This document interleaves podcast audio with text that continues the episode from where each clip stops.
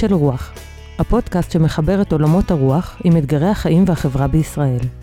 עורך ומגיש, ליאור טל שדה.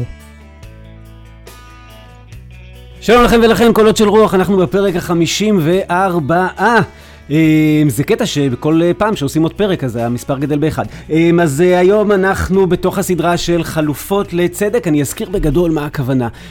קו המחשבה שמנסה לבחון מהו הדבר הצודק ושם את מושג הצדק במרכז, הוא קו מחשבה חשוב מאוד מאוד, אני אישית גדלתי עליו ונאבק למענו הרבה שנים, אבל ישנם גם קווי מחשבה שונים, שהם לא שמים את מושג הצדק לגמרי בצד, אבל כמו למשל, קו המחשבה שמדבר על אתיקה של חמלה, שהקדשנו לה שני פרקים יחד עם פרופסור אבי שגיא, או קו המחשבה שקשה לי לתמצת אותו על רגל אחת, שמדבר על דרך עץ החיים, שזה היה הפרק הקודם שעשינו עם הרב דוב ברקוביץ', ואני גם רוצה להגיד תודה לכל אלה, היו הרבה תגובות מרגשות על הפרק ההוא, אנשים שאמרו ש, שזה נגע להם עמוקות וכאלה, אז תודה למי שכתב וכתבה והגיב והגיבה, ועכשיו אנחנו בעצם נרצה לדבר על תפיסה שהיא לא בדיוק חלופה, המושג הצדק עדיין נמצא שם מאוד חזק, אבל uh, היא הגיעה כביקורת על המושג הצדק הליברלי הפשוט, ודרכה אני חושב נוכל...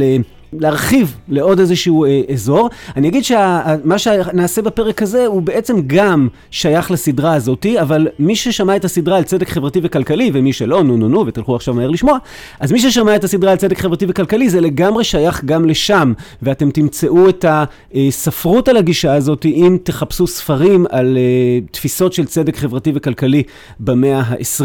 והגישה הזאת נקראת גישת היכולות, או Capabilities Approach, וכדי לעשות את זה אנחנו נפגשים עם לורה טלינובסקי. לורה, שלום. שלום, שלום, אני שמחה להתארח בפודקאסט.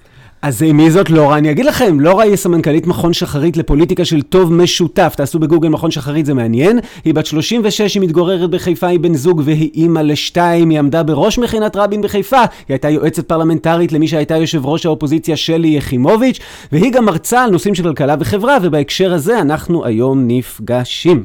נעים מאוד. טוב, אז uh, בעצם המפתחים של גישת היכולות הם uh, שני אנשים מרכזיים, האחד הוא כלכלן אמרתיה סן, הוא גם חתן פרס נובל לכלכלה, והשנייה היא הפילוסופית מרתה נוסבאום, אולי כמה מילים, ממש בקצרה כן. על כל אחד. אז אני אגיד, קודם כל זה מאוד מעניין לדבר על ההוגים, כי תשים לב שהם לא מגיעים מהצנטרום של, ה, כן, של אוניברסיטת הרווארד, זה לא אותם גברים שככה דור שני ושלישי להוגים. הם אה, באמת, היא אישה יהודייה, פילוסופית שגדלה בניו יורק ומתגיירת, והוא אה, כלכלן ופילוסוף ממוצא הודי, הוא גדל בבנגלדש, וצריך להגיד שיש לו סיפור מפתח בילדות, שבעצם בבנגלדש יש מגפת רעב, ואחר כך הוא מקדיש אה, הרבה מהמחקרים שלו לחקור את הרעב, והוא מקבל את הנובל על זה שהוא בעצם מפצח שרעב לא נגרם כמחסור ממזון, אלא כתוצאה ממנגנוני חלוקה לא שוויוניים. ועל המחקרים האלו בעצם מקבל את הנובל שלו, אז אני חושבת שנקודות המבט שלהם מהפריפריות, בעצם אה, מביאים אותם ככה לפתח תחום חדש בתוך הכלכלה ולהפנות את המבט למקומות אחרים. רק נסביר למי שלא הבין, רעב כמובן הוא, הוא מחסור במזון, אבל הכוונה היא שיש מספיק מזון, אם כן. היינו מחלקים אותו אחרת, בדיוק. כדי שאף אחד לא יצטרך להיות רעב. יש היום נכון. מספיק משאבים בעולם, בניגוד למה שהיה לפני 300 שנה, אמ, אבל אנחנו מחלקים אותם, או הם מתחלקים, תלוי לפי איזה גישה, באופן כזה שבגלל זה יש רעב. משאיר אנשים ברעב, וזה נכון היום גם לגבי תימן שגובעת ברעב, ו- ומקומות באפריקה. אני חושבת שעד uh, אמצע שנות ה-90, הגישה המקובלת היא שחסר אוכל. ומי, ויש התרמות לאפריקה, אם אתה זוכר את ה... אולי כשהיינו ילדים זה היה. עדיין, עדיין. עדיין יש, והוא בעצם מצליח לשנות את הגישה הזאת. הבעיה היא לא מחסור במזון, היא בעצם אה, חלוקה לא צודקת של משאבים. ואנחנו יודעים במילה מה גרם למרתה נוסבאום להתגייר, היא כאילו, היא, היא חילונית היא, כזאת, היא פמיניסטית. כן, היא גדלה ממש באליטה של ניו יורק, להורים יאפים כאלה, וכל החיים שלה היא מאוד, היא ממש אלרגית לא, לאליטה. היא מתחתנת עם יהודי, והיא מתגיירת ונולדת לבת, והיא ככה נכנסת לקהילה הרפורמית שם אה, באזור מגוריה, והיא ממש נהיית אה, מאוד אוהבת את התרבות היהודית ואת הקהילה שלה. מגניב. טוב, אז אם אנחנו מתחילים להיכנס פנימה לתוך העניין, אז uh, המושג של יכולות, uh, נהוג להפריד אותו מהמושג של תפקודים, אז נגיד אולי מילה על מה זה תפקודים, ואז נגיד מה זה יכולות. אני אקריא רגע אולי הגדרה uh, מתוך הספר של יוסי דהן. אז תפקודים, מושג שמתייחס לדברים שונים שאדם מעוניין להיות או לעשות. תפקודים יכולים לכלול תפקודים אלמנטריים מאוד, כמו uh, ליהנות מתזונה מספקת, להיות בריא, לא לחלות במחלות, ועד לתפקודים מורכבים יותר, כמו ליטול חלק בחיי הקהילה, או ליהנות מכבוד עצמי. אבל יכולות, capabilities, זה מושג שמתייחס בעצם לצירוף של התפקודים שאדם יכול לממש. אולי אני אגיד על זה, שאדם יכול לממש במסגרת מי שהוא, בתרבות שבה הוא נמצא, במה שניתן לו בחייו. יכולת היא למעשה החירות לממש צירוף של תפקודים שונים. נדמה לי, זאת ההגדרה הבסיסית. עוד מעט קצת אה, אה, נחפור בה יותר, נכון? אבל זה... כן, אני חושבת שהם באמת, אה, אצל שניהם, הדגש על חירות ועל בחירה ועל זה שאדם מעצב את חייו, הוא מאוד מאוד חשוב. זאת אומרת, זה לא מספיק שיש לך נגישות לבריאות או לחינוך, אתה צריך להיות מסוגל לעצב את חייך, וקהילה צריכה להיות מסוגלת לעצב את חייה, ואני חושבת שההבדל המרכזי בין תפקודים ליכולות, זה באמת שכשאתה מוסיף לתפקודים את האלמנט של החירות והבחירה, אז אתה מגיע ליכולות. ואז גישת היכולות, אם נגיד אותה על פחות מרגל אחת, תגיד לנו ככה. אמ, הדבר שאנחנו צריכים לבדוק אותו, היעד שאנחנו צריכים לשים לנגד עינינו, חברה שמתנהלת באופן הראוי, אני נזהר מלהגיד את המילה הצודק, היא חברה שבה יש יכולות, לכל אדם יש יכולות מסוימות. מהם היכולות אנחנו צריכים לפענח, אבל זה יהיה נקודת המבחן. האם יש לו את היכולות האלה או אין לו? לא כל מיני שאלות של מהם המשאבים שיש לו, לא כל מיני שאלות לגבי האם החלוקה שוויונית או לא שוויונית באותה מדינה, לא שאלות לגבי מדדים כלכליים שעוד מעט נעשה את ההשוואות, אלא השאלה, רגע, בבטם ליין, האם לאנשים במדינה הזאת יש את יכולות א', ב', ג', ד', ה', ובאיזו מידה? אם יש להם את זה מעבר לרף המינימלי, אנחנו מתחילים להגיד, או, זאת מדינה שעובדת בצורה ראויה. אם אין להם את זה, יש פה בעיה. כדאי להתחיל בעצם איך הם מגיעים אל, ה... אל הצורך הזה של למדוד רווחה של אנשים או איכות חיים של אנשים בצורה אחרת. באמת פה הם גם בביקורת מאוד עמוקה על מדדים קיימים של תמ"ג ותל"ג, שאנחנו תכף נפרט עליהם, אבל המרתיע סן הוא ממש הולך בשיטת האלימינציה, הוא אומר, האם אני מודד עושר בעין? האם זה מה שישקף לי רווחה של אנשים? לא, ותכף גם נפרט למה, זה התמ"ג. האם אני מודד עושר באלף? שיש גם את מדד העושר שנדבר עליו, והוא אומר לא, כי עושר זה דבר באלף, זה דבר יחסי. אני רוצה דברים אבסולוטיים.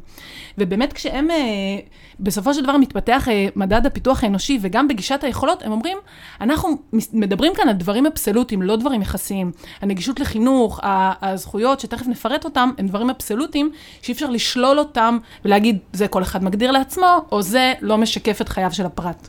כן, כש, כשאצל המר... אני חושב איזשהו הבדל דק ביניהם, אבל בסוף הוא, יש לו גם חשיבות, זה שמרתיע סן שם במרכז את מושג החירות, התורה שלו צומחת מתוך הרצון שבני האדם יהיו חופשיים ל...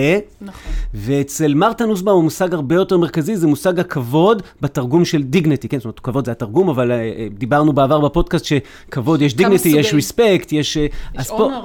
Honor, נכון. אז פה הכוונה היא, למוס, למובן של dignity, אנחנו שואלים מה נותן לאדם את הכבוד האנושי הבסיסי, שמרגע זה אפשר להגיד המצב בסדר, עכשיו בואו נראה, כל אדם יתחיל להתפתח על פי דרכו, והסיפור של כל אדם יתפתח הוא גם מאוד חשוב להמשך שלנו, כי צמיחת האדם היא אולי הדבר אה, שיש כאן, ואם אני אצטט את נוסבאום, אז היא אומרת שבבסיס השיטה עומד כיבוד המאבק של כל יחיד לצמוח.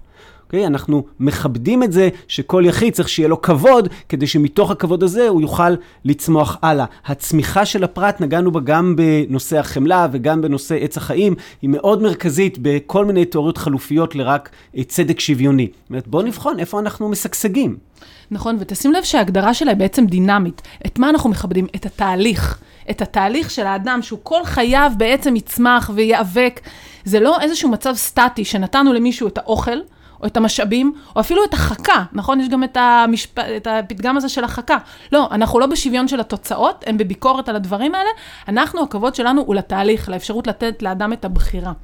כן, אבל אני חושב, מאוד חשוב עליהם התוצאות. זאת אומרת, בתוצאה צריך להיות שאדם יכול לבחור ולעשות את זה בפועל, לא בתיאוריה. בניגוד נכון. לתיאוריות שונות, שזה בסוף נשאר רק בתיאוריה, פה, אם אתה לא יכול לממש את זה בחיים הממשיים שלך היום, אז לא עשינו כלום.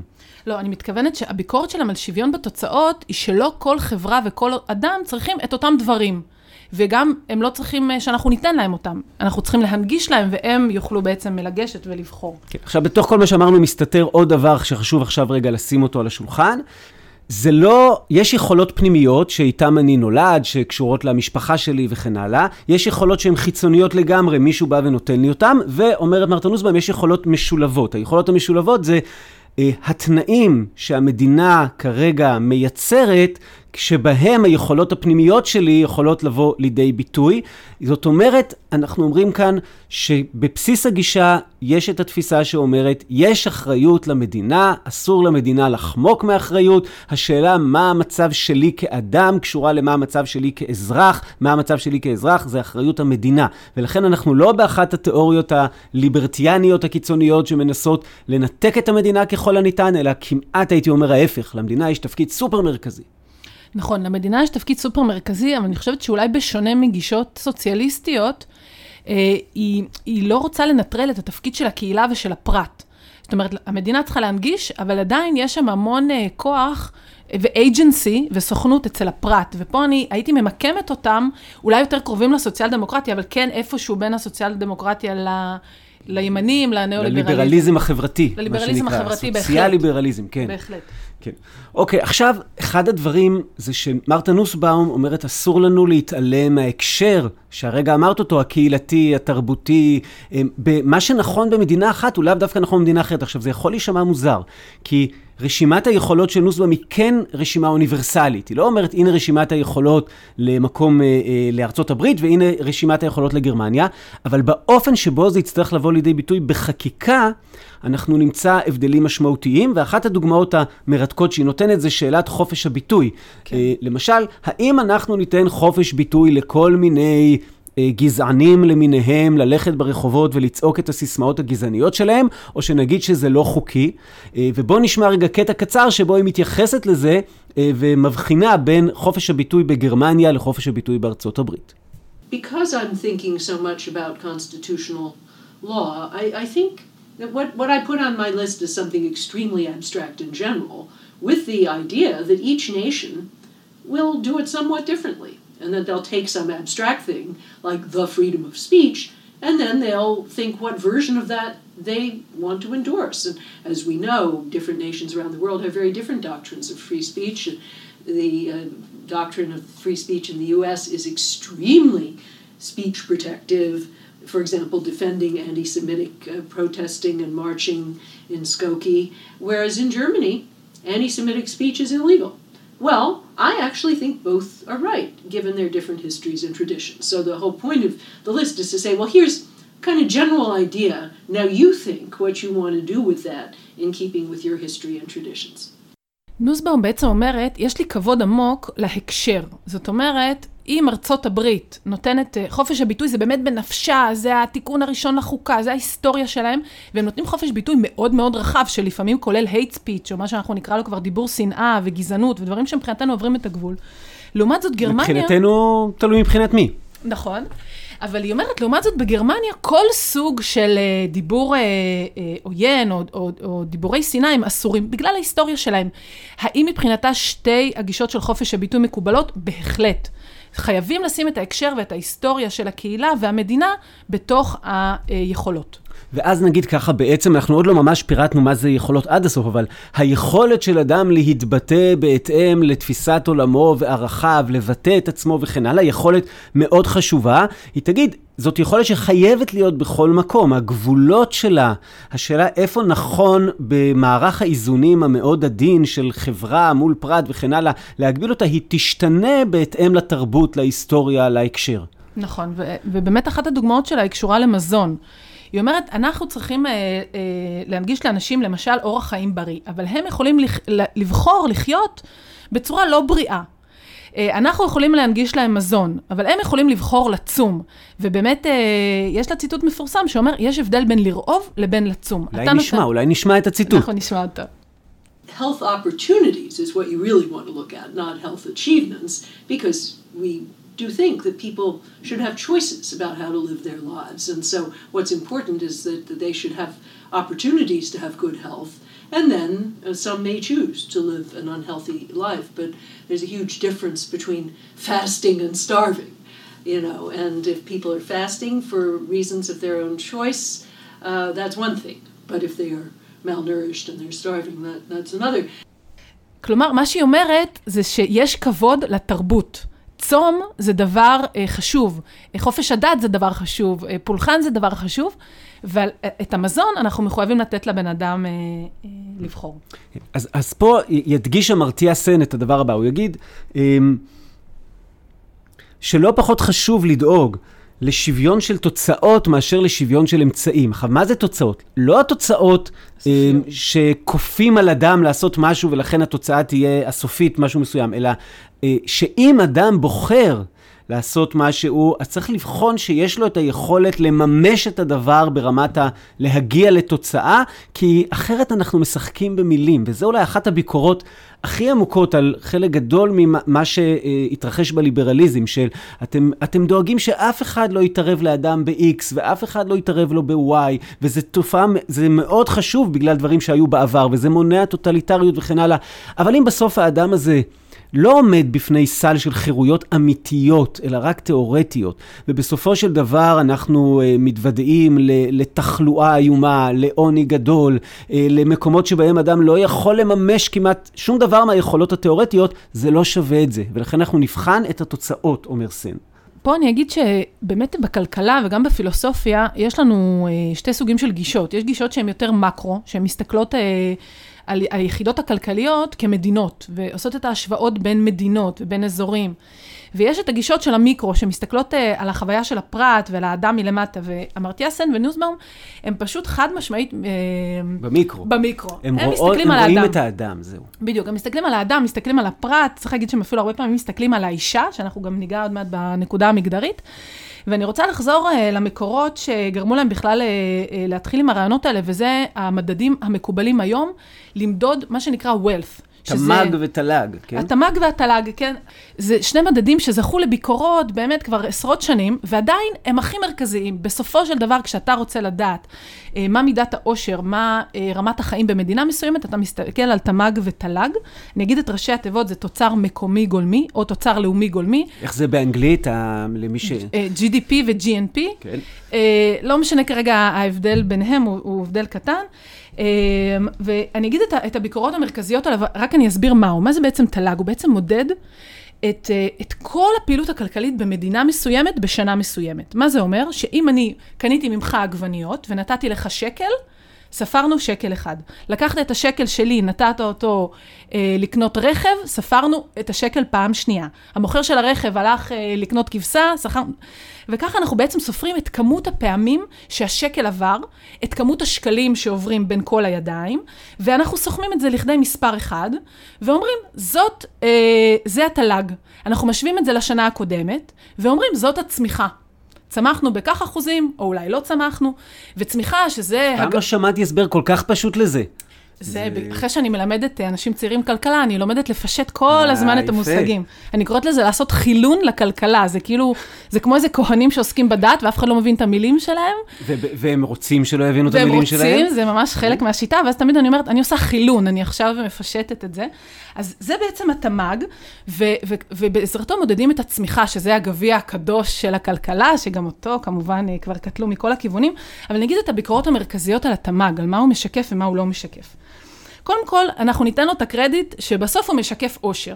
אם אני אה, טייקונית... אושר בעין. אושר בעין, בוודאי. אם אני טייקונית שמחפשת איפה לשים את ההון שלי, התל"ג הוא בהחלט אה, המדד שייתן לי את התשובה איפה כדאי להשקיע.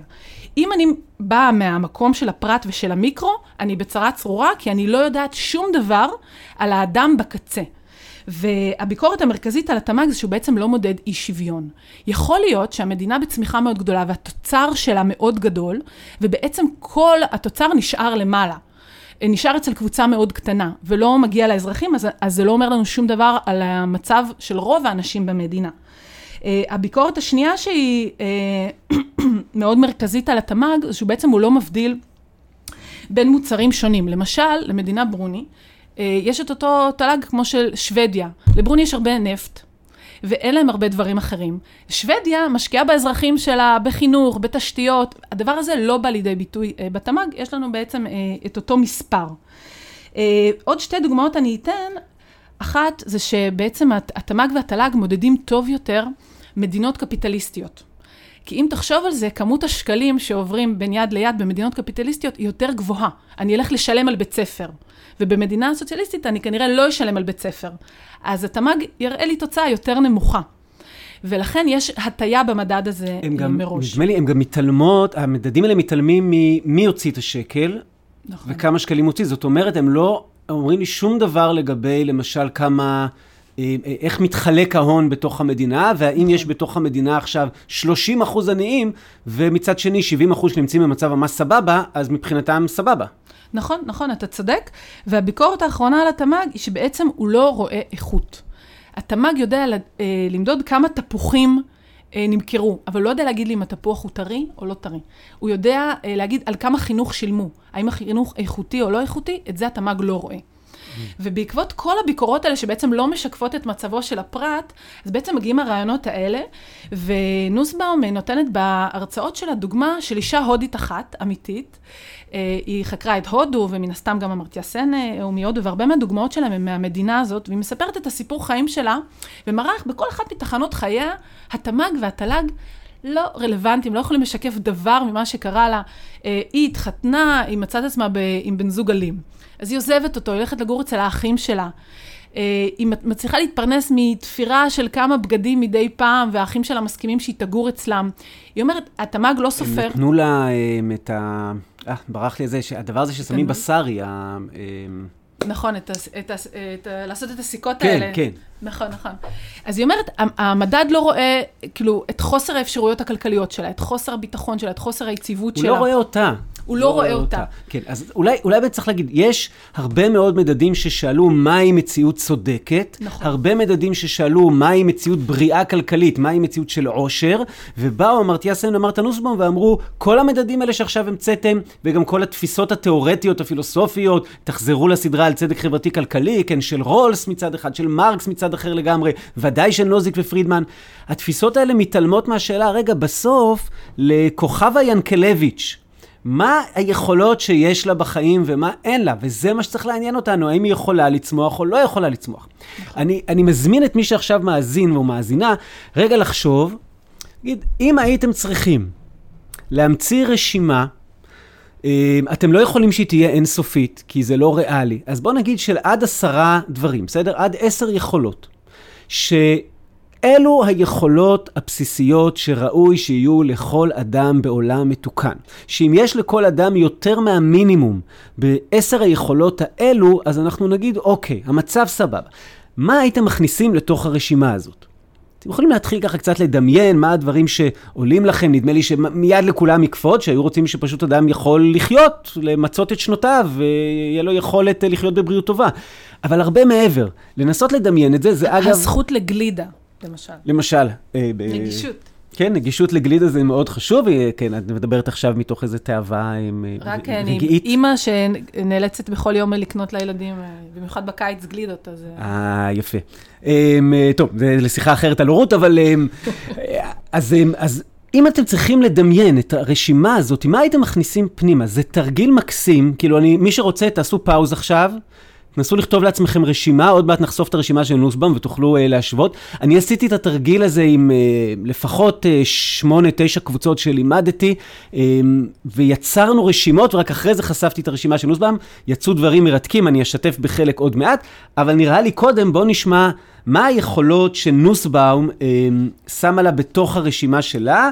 אגיד, אה, אצל נוסבאום זה באנגלית, יוסי דהן עשה לנו טובה ותרגם את זה לעברית, ובואו אה, נעבור עליהם, יאללה, נעבור על, ה, על היכולות. כן. אז אני, נגיד יכולת ונסביר אותה ב, אה, במשפט. אה, אז היכולת הראשונה היא היכולת, מה שאמרנו בהתחלה, של חיים. נכון? מה, מה הכוונה ביכולת של חיים? אה, חיים בביטחון, אפשרות אה, לחיות, למות בצורה שלווה. כן, ו- והדבר הכי בסיסי, בסיסי, לא למות מיתה מוקדמת שאינה הכרחית. אוקיי? וגם לא להימצא במצב של חיים שאין טעם לחיותם. אה, זה כן. הולך לשני כיוונים, כיוון מאוד פיזי, ביולוגי וכיוון... אוקיי, השני זה היכולת לבריאות גופנית.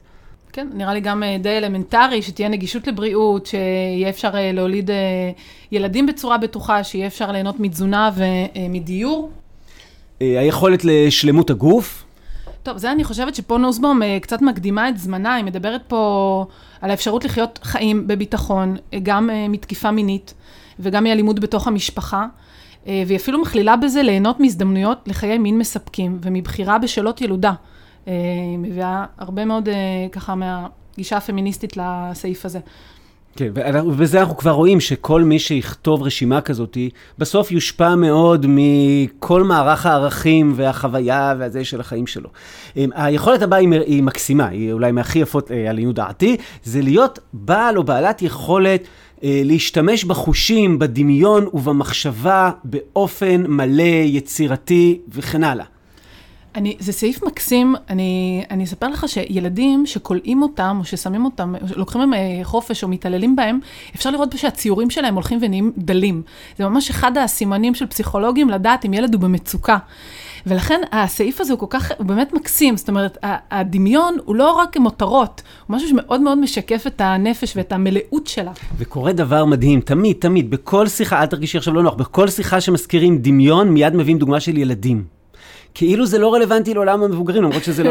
אז, אז חלק מהסיפור הוא, תבדקו אצל מבוגרים. היכולת, יש שם, אה, הוגה, ברח לי השם שלו, הוא טוען שמרגע שאנחנו מגיעים לגיל 4-5, מתחילים לעבוד אצלנו על דיכוי הדמיון והיצירתיות. ממש מסכימה. כן, שנוכל להשתלב בעולם המבוגרים. והכוונה, איך אנחנו כמבוגרים יכולים לדמיין ולחשוב ולהשתמש בחושים שלנו. היא הכניסה שם למשל, איך אדם יכול להתנסות ב, בהתנסויות אה, רוחניות למיניהם, דתיות למיניהם, זה כנראה מושפע מהבית כנסת הרפורמי שהיא נחשפה אליו.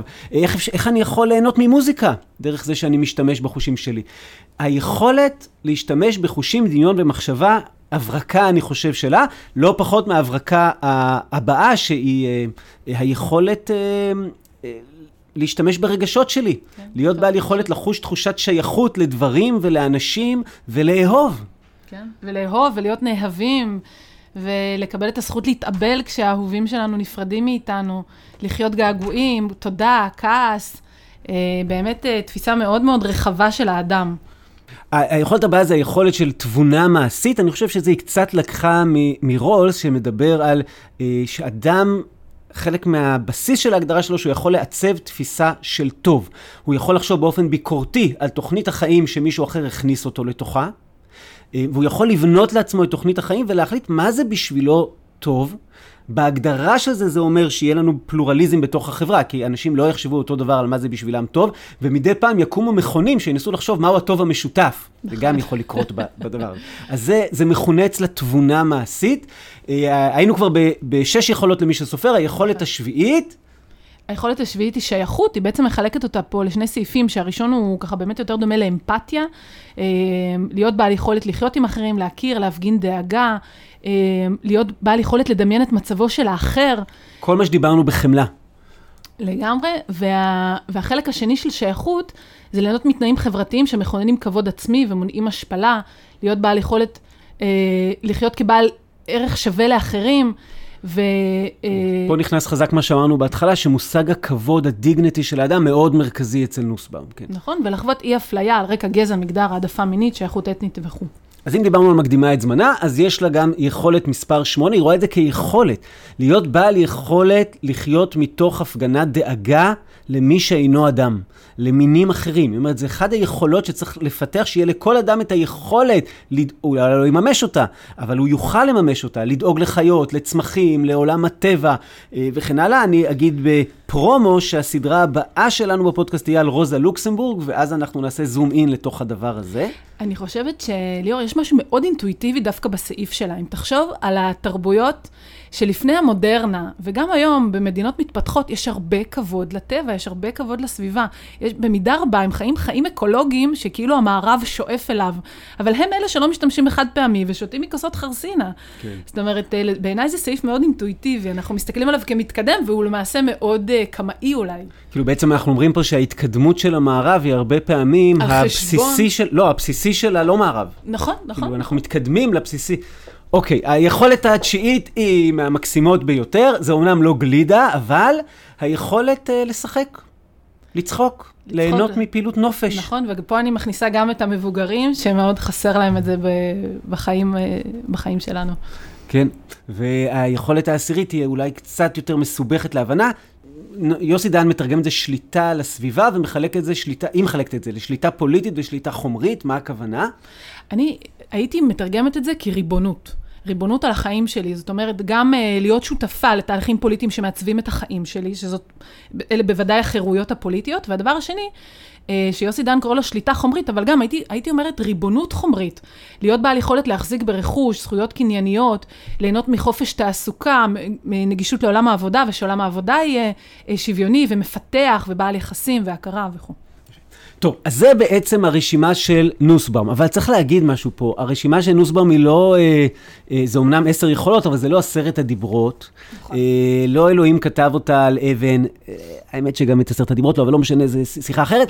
אה, זה, יש פה משהו שהוא נובע מתפיסת עולמה של נוסבאום, ולכן כל אחת, כל אחד מאיתנו, שמתחילים ללמוד את הנושא ומתחילים לחשוב עליו בצורה אה, ביקורתית, כפי שהיא רצתה שנעשה, כי יש יכולת חשיבה ביקורתית, יכולים לחשוב מה חסר שם, ואולי מה מיותר והיינו מחליפים אותו.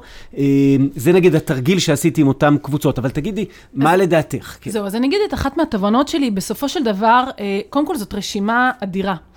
אה, אני מאחלת אה, לעולם שלנו ולכל המדינות והקהילות שיאמצו אותה במלואה, ועדיין אני הייתי מוסיפה לה כמה רבדים, כי אני חושבת שבסופו של דבר נוסבאום כותבת מעיניים מאוד ליברליות, ואפילו הייתי אומרת אה, חילוניות. אפשר לראות שהיא לוקחת הרבה דברים מהשיח של זכויות האדם, ואני חושבת שגם לעולם היותר שמרני, היותר קהילתי, היותר דתי מסורתי, יש מה להציע. בסופו של דבר החיים בקהילה, במשפחה, אפילו בחמולה, מלמדים אותך הרבה מהאמפתיה, הרבה מהאהבה, הרבה מהטוב לב. אז איך היית מנסחת את היכולות שחסרות? מה חסר כאן? אז אני חושבת שהייתי מוסיפה לזה אה, את היכולת להיות חלק מקהילה, להכיר את השורשים שלך, לקיים את המסורות שלך, לחנך את הילדים שלך לאור הערכים שאת והקהילה שלך מאמינים בהם. ואני חושבת כאן על הסופרת טוני מוריסון, הסופרת השחורה שנפטרה השנה, שהיא כתבה בספרים שלה על איך כשרצו בסוף להפוך אנשים לעבדים, קודם כל קטעו להם את הזיכרון, את השפה של האימא, את, בכלל את הידיעה מאיפה הם באו. הם לא יודעים מאיזה ארץ באפריקה בכלל הם באו, תוך דור שניים זה נעלם. ופה אני אומרת, הנה איזושהי יכולת בסיסית. הקהילה שלי, השורשים שלי, המסורות שלי, משהו שהייתי שמה עליו דגש מאוד חזק כדי לקבל אדם שלם ו- ואת הרווחה שלו. ואני חושב שזה גם נותן לנו הצצה לאזור שלא נספיק יותר מדי לדבר עליו, שבסוף, כשנכנסים לזה לעומק, בסוף ייווצרו מתיחויות. למשל, אמ, היכולת שלי להיות קשורה בצורה עמוקה מאוד למסורת שלי, מול היכולת שלי להיות אישה פמיניסטית, הרבה פעמים... אה, יש איזו התנגשות, כי לצערנו, המסורות הן בדרך כלל, הן מביאות איתן שוביניזם מסוים. אבל יש חידושים. או, אז זהו, אז זה, זה, נכון, זה מורכב, בדיוק. אז ש... ואז יגידו, רגע, אבל זה לא מתוך המסורת. אוקיי. אמ, אני אגיד לכם גם שבתרגילים האלה שעשיתי עם אה, כל מיני קבוצות אה, בקולות, בבינה ובמקומות נוספים, אמ, עלו עוד כל מיני דברים. למשל, היכולת לשפר את המצב שלי בעתיד, שאדם תמיד יהיה לו מצב לעשות את הצעד הבא, לשפר את המצב העתידי שלו. יכול להיות שהוא יבחר שטוב לו ככה והוא נשאר, אבל תמיד תהיה לו היכולת הזאת, שזה גם היכולת להשתנות. אמ, אמרו אצלנו, היכולת שה... פרנסה שלי תגיע בקרבה גיאוגרפית למשפחתי, שזה בעצם היכולת שלי להיות עם משפחתי ולהתפרנס. כן? אני, אני מכיר כמה אנשים שאומרים, לא, מה, זה, זה לא חיים טובים, אני צריך דווקא התרחקות טובה. זה מעניין דווקא עכשיו בקורונה, כשכל כך הרבה אנשים עברו לעבוד מהבית, ופתאום חוו אה, מצד אחד מתח, אבל מצד שני גם איזושהי השלמה והרמוניה בין אה, בית למשפחה. כן, אני חושב שזה איפשהו קצת... אה, הקצין מצבים קיימים. זאת אומרת שמי שבבסיס, בתשתית, סך הכל, היה לו בית, אה, נקרא לזה טוב. זה, כן, כן, הוא רצה להיות בבית. טוב, כן, אז פתאום היה את האפשרות הזאת. ולצערנו, אה, אנחנו גם יודעים על אה, תופעות קשות, זאת אומרת, מי שגר בבית אלים, אז כן, האלימות גברה מאוד, ומי ש... כן. הם הוסיפו למשל היכולת להיות אותנטי. אני יכול פשוט לחיות את מי שאני, להזיז הצידה את ההשפעות הסביבתיות ולהיות כמה שיותר לעצב את דרכי. זה, זה דומה למשהו שנוסבאום אמרה, אבל זה לא כן. בדיוק מה שהיא אמרה. וסתם עוד דבר חמוד שהיה שם, זה היכולת לנהל את חיי בלי מציצנות. זאת אומרת, היכולת שיהיה לי מרחב של פרטיות, שרק אני בוחר מי נכנס לתוכו. זה גם, אני חושב, יכולת... Uh, מקסימה. טוב, אז נתנו פה כל מיני יכולות. צריך להדגיש, נוסבאום קובעת שאסור להציב היררכיה בין היכולות האלה, ולהגיד, רגע, בואו נגיד שיכולות 1, 2, 3 הן יותר חשובות מיכולות 4, 5, 6, למרות שכן יש איזה דגשים. אני חושב ש... כן. אני חושבת שבהרצאות שלה, בעיקר כשהיא מדברת וכותבת, אז היא באמת שמה ראשון, את, את, הראשונים שהיא שמה, זה את, זה את היכולת אה, לקבל חינוך ובריאות. זה מבחינתה ה basic, ועליו באמת באים, אה, באות הזכויות היותר פוליטיות וה, והרגשיות. עכשיו, תגידי, האם את חושבת שהסיפור הזה של גישת היכולות, כאילו אני יודע מה שאת חושבת, אבל אני שואל כדי שגם הם ידעו, האם יש פה קשר למגדר, ואיך נגדיר את הקשר כן. למגדר? אז אני אגיד, קודם כל, בוודאי שיש קשר למגדר, אני חושבת שכל הביקורת אה, על עולם הכלכלה, כמו שהוא היום, אה, יש בו הרבה אה, מהתכנים של המגדר. גם אמרתיה סן וגם נוסבאום מאוד משלבים מגדר ופמיניזם ב, בהגות שלהם, החל מהדברים הטכניים, למשל אמרתיה סן, הוא לעולם לא משתמש במילה הוא, תמיד נותן אה, את היא כדוגמה, את האישה, הפרט שהוא כותב עליה היא אישה, הדוגמאות שהוא חושב עליהן הן נשים, אה, הוא מפרסם בתחילת שנות ה-90 מאמר מאוד שנוי במחלוקת, שנקרא הנשים החסרות, והוא בעצם מבקר לראשונה נושא שהיה טאבו, וזה על רצח של תינוקות ממין נקבה. אה, באסיה, גם בהודו, גם בסין, והוא בעצם אומר, אם הן לא היו נרצחות, או שאם הייתה גישה שונה בחברה, היה לנו כאן 100 מיליון נשים נוספות. רצח של תינוקות או הפלה של אה, עוברים? אה, זה, זה יכול לקרות בכל מיני שלבים, אבל הרבה פעמים כשהן נולדות, אז uh, בעצם uh, היו הורגים אותם, כי אוי. לא... כי, כי, כי הרבה דברים, כי פטריארכיה. אבל הוא בעצם מבקר את זה, ובמובן הזה הוא גם מקדים את זמנו. ונוסבאום אפשר גם לראות לאורך כל ההגות שלה, שהיא מביאה דוגמאות של נשים, היא בוודאי מדברת על עצמה כפמיניסטית, ו- והיא מדברת על חוויית חיים של נשים uh, במדינות מתפתחות, כשהיא באמת חושבת על אותו מדד, uh, מדדים שמתפתחים בעקבות התיאוריות שלהם, היא בהחלט חושבת uh, על אישה. אוקיי, אז אני חושב אנחנו כבר מחזיקים עכשיו, בגדול, את מהי גישת היכולות, מה היא יכולה לכלול, כל אדם יכול עכשיו להתחיל אה, לחשוב על זה. נגיד שהתפיסה אה, אומרת, זוהי אחריות של המדינה. שלב א', לוודא שיש את המינימום של כל אחת מהיכולות לכל אחד מהאזרחים, ושלב ב', שהוא לא פחות חשוב, זה לעבוד באופן רציף, תמידי, ללא הפסקה, על כך שלא יהיה את המינימום, אלא שיהיה את המקסימום, שכל אחד יוכל להגיע להגשמה מקסימלית של כל היכולות, במידת הניתן אל מול הגבולות ואל מול המשאבים. ועכשיו צריך להיות מעניין, כי אם זה כזה תפקידה של מדינה, לשאול רגע על מדינת ישראל, מה קורה בחברה שלנו ומה קורה ב, אה, במדינה שלנו, אה, בהתנהלות של זה. כן. אז אני אגיד, תראה, להסתכל אה, לפי גישת היכולות על השבטים השונים בישראל, אני חושבת שדווקא הקבוצה שאנחנו תופסים אותה כיותר עשירה, לא בטוח שיש לה את מירב היכולות. אה, של נוסבאום. אם אני חושבת באמת על החברה החרדית בישראל, שמככבת במדדי העוני ותמיד אה, ככה גם זוכה לביקורת על זה, מצד שני, הרבה מהיכולות של נוסבאום משתקפים בחיים שלהם. זה חיים עם אה, רמה גבוהה של חינוך והשכלה, הרבה מאוד כבוד ושנות לימוד, רב, לימוד רבות גם לבנים וגם לבנות. יש שם משפחה, יש שם קהילה, יש שם הרבה מקום לרגשות, אפילו הייתי אומרת לדמיון. אה, ואנחנו יודעים שאנשים שיש להם קהילה, הם גם חיים הרבה יותר שנים, תוחלת החיים שלהם יותר גבוהה, אולי אם היינו וגם שואלים- העושר שלהם יותר אה, גדול. כן, אני חושב, אני, אולי שאם היינו שואלים את נוסבאום, ובטח אם שואלים אותי, אה, לגבי החברה החרדית, אז נגיד שבהרבה מאוד מהיכולות, אנחנו פתאום מגלים, כמו שאת אומרת, הנה חברה משגשגת, אבל היכולת שלי להפעיל חשיבה ביקורתית, שהיא מזכירה אותה, היכולת שלי להשתמש בדמיון באופן שחורג מהמסגרות שלהם גידלו אותי, היכולת שלי להתפתח לכיוונים לא צפויים, זה יכולת שנפגעת קשה אה, אז במגזר. החרדי. אני, יש לי נקודה קצת אחרת. אני חושבת שבחברה החרדית, קודם כל, יש הרבה פחות מסכים. ואם יש משהו שפוגע בדמיון, בטח אצל ילדים, אבל גם אצלנו, זה בוודאי המסכים. ואני חושבת שיש משהו בקריאת ספרים שמאוד מקפידים עליה בחברה החרדית. אני נרשמתי לספרייה הציבורית לא מזמן עם הבת שלי, ואנחנו באות אחרי הצהריים, ויש שם מלא ילדים דוברי רוסית, ומלא ילדים חרדים. ואני אומרת, וואלה, זו קהילה שיש לה ערך לספרים, אני בטוחה שהדמיון עובד שם שעות נוספות, באופן חיובי. כן. טוב, אנחנו נהיה פה במחלוקת מסוימת, כי לפחות ההיכרות הסבירה שלי עם החברה החרדית היא כזו, שפשוט מופעל מאמץ כביר מלמעלה כדי אה, לשים חומות. אה, לעד איפה מותר להיות ביקורתי ועד איפה מותר לחשוב, נכון. ובתוך החומות תשתולל. אבל החומות הן מאוד מאוד אה, לא, לא רחבות.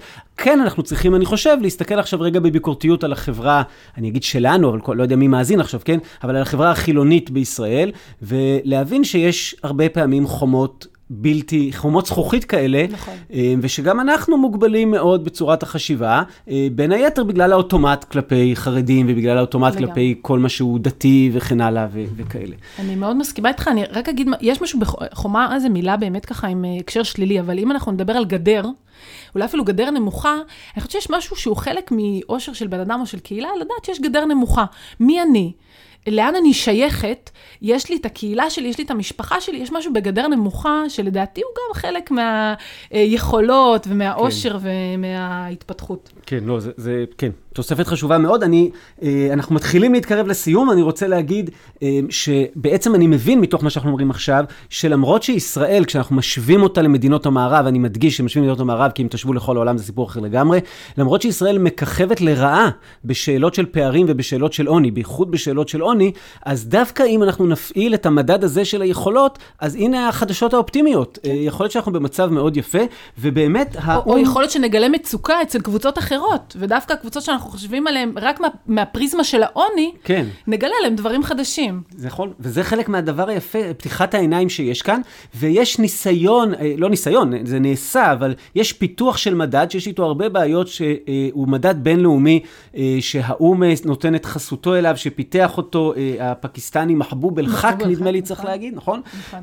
והמדד הזה, שזה נקרא HDI, Human Development Index, מדד הפיתוח האנושי של האו"ם, מנסה בעקבות גישת היכולות, לייצר איזה סוג אחר של מדידה, שבמרכז שלה יש בעצם מדדים של חינוך, מדדים של כלכלה ומדדים של בריאות.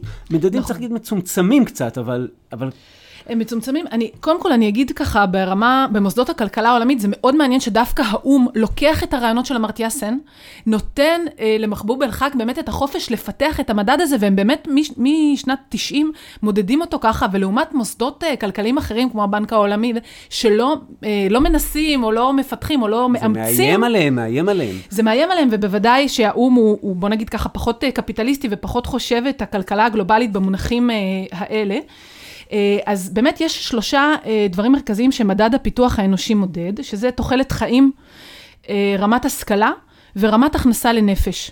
ופה, בניגוד ליכולות של נוסבאום, שהן באמת מופשטות, וקשה להגיד בסוף איך אני מכמתת אותן בכף, אז כאן הם, האו"ם מכמת בכף ואומר מה אני, לא, מה אני מודד? את שנות הלימודים בבית ספר. כן. מה אני מודד? את uh, תוחלת החיים. כשכל כימות בהגדרה שלו הוא בעייתי, ולכן כולם יכולים עכשיו לבוא במלא ביקורות, אבל הנה עוד, נכון. הנה לפחות כימות שהוא לא uh, תל"ג, תמ"ג. אתה צודק, ויש ביקורות על מדד הפיתוח האנושי של האו"ם, שבעצם אומרים, המדדים האלה הם לא רלוונטיים. אני רוצה לתת דוגמה uh, של נוסבאום על מדינת קרלה בהודו, שבעצם uh, זו מדינה שמבחינת uh, התמ"ג והתל"ג והמדדים, בוא נגיד ככה, הקונבנציונליים, במקום מאוד נמוך. מצד שני, מבחינת רמת השכלה ובריאות, הם במקומות מאוד גבוהים. רמת השכלה שם יש שם 99 אחוז אנאלפביתיות, כלומר אוריינות, גם אצל גברים וגם אצל נשים. ומבחינת בריאות, היא אומרת שהם דומים לאזור של צפון-מזרח ניו יורק, שזה נגיד השכונות של הרלם, שזה אולי תעודת עניות להרלם, אבל בהחלט uh, ככה uh, הישג לקרלה. והיא אומרת, זאת מדינה שהיינו מסתכלים עליה כענייה, נזקקת, מצוקה, והנה, יש שם אנשים גם משכילים וגם בריאים. ופה אנחנו חייבים למרכב, כל הזמן להכניס עוד ועוד מורכבויות על הדרך שבה אנחנו מסתכלים על מדינות מתפתחות.